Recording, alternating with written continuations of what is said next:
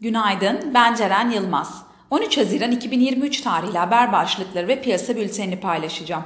Bugün açıklanacak ABD çekirdek tüketici enflasyonunda ılımlı bir yumuşama bekleniyor.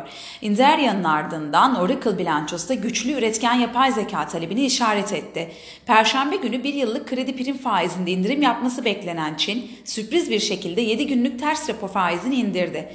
Türkiye'nin çarşamba günkü daimi ortak mekanizma toplantısında İsveç'e yönelik üyelik sinyali vermesi beklenmiyor. Hisseler Fed'in faizi sabit tutacağı beklentisi ve teknoloji rallisiyle yükseliyor.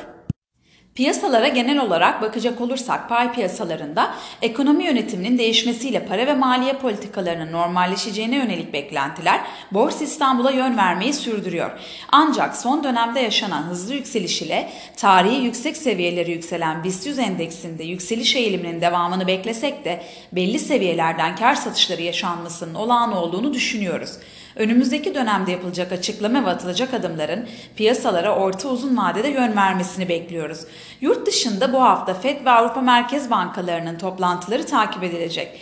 Piyasanın Fed'den beklentisi faizlerin sabit tutulması yönündeyken bugün ABD'de açıklanacak tüfe enflasyon verisinin Fed öncesi beklentiler üzerinde etkili olacağını düşünüyoruz. Dün ABD ve Avrupa borsaları günü yükselişlerle tamamladı. Bu sabah ABD vadelileri, Alman DAX vadelisi ve Asya endekslerinin geneli yükselişte. Teknik analiz verilerine bakacak olursak kısa vadede 5390 ve altına gerileme alım fırsatı, 5700 üzerine düşük hacimli yükselişler ise kar satış fırsatı olarak takip edilebilir. Viyop tarafında ise gün içi long pozisyonlar için 6390, short pozisyonlar için ise 6565 zarar kes seviyesi olarak izlenebilir.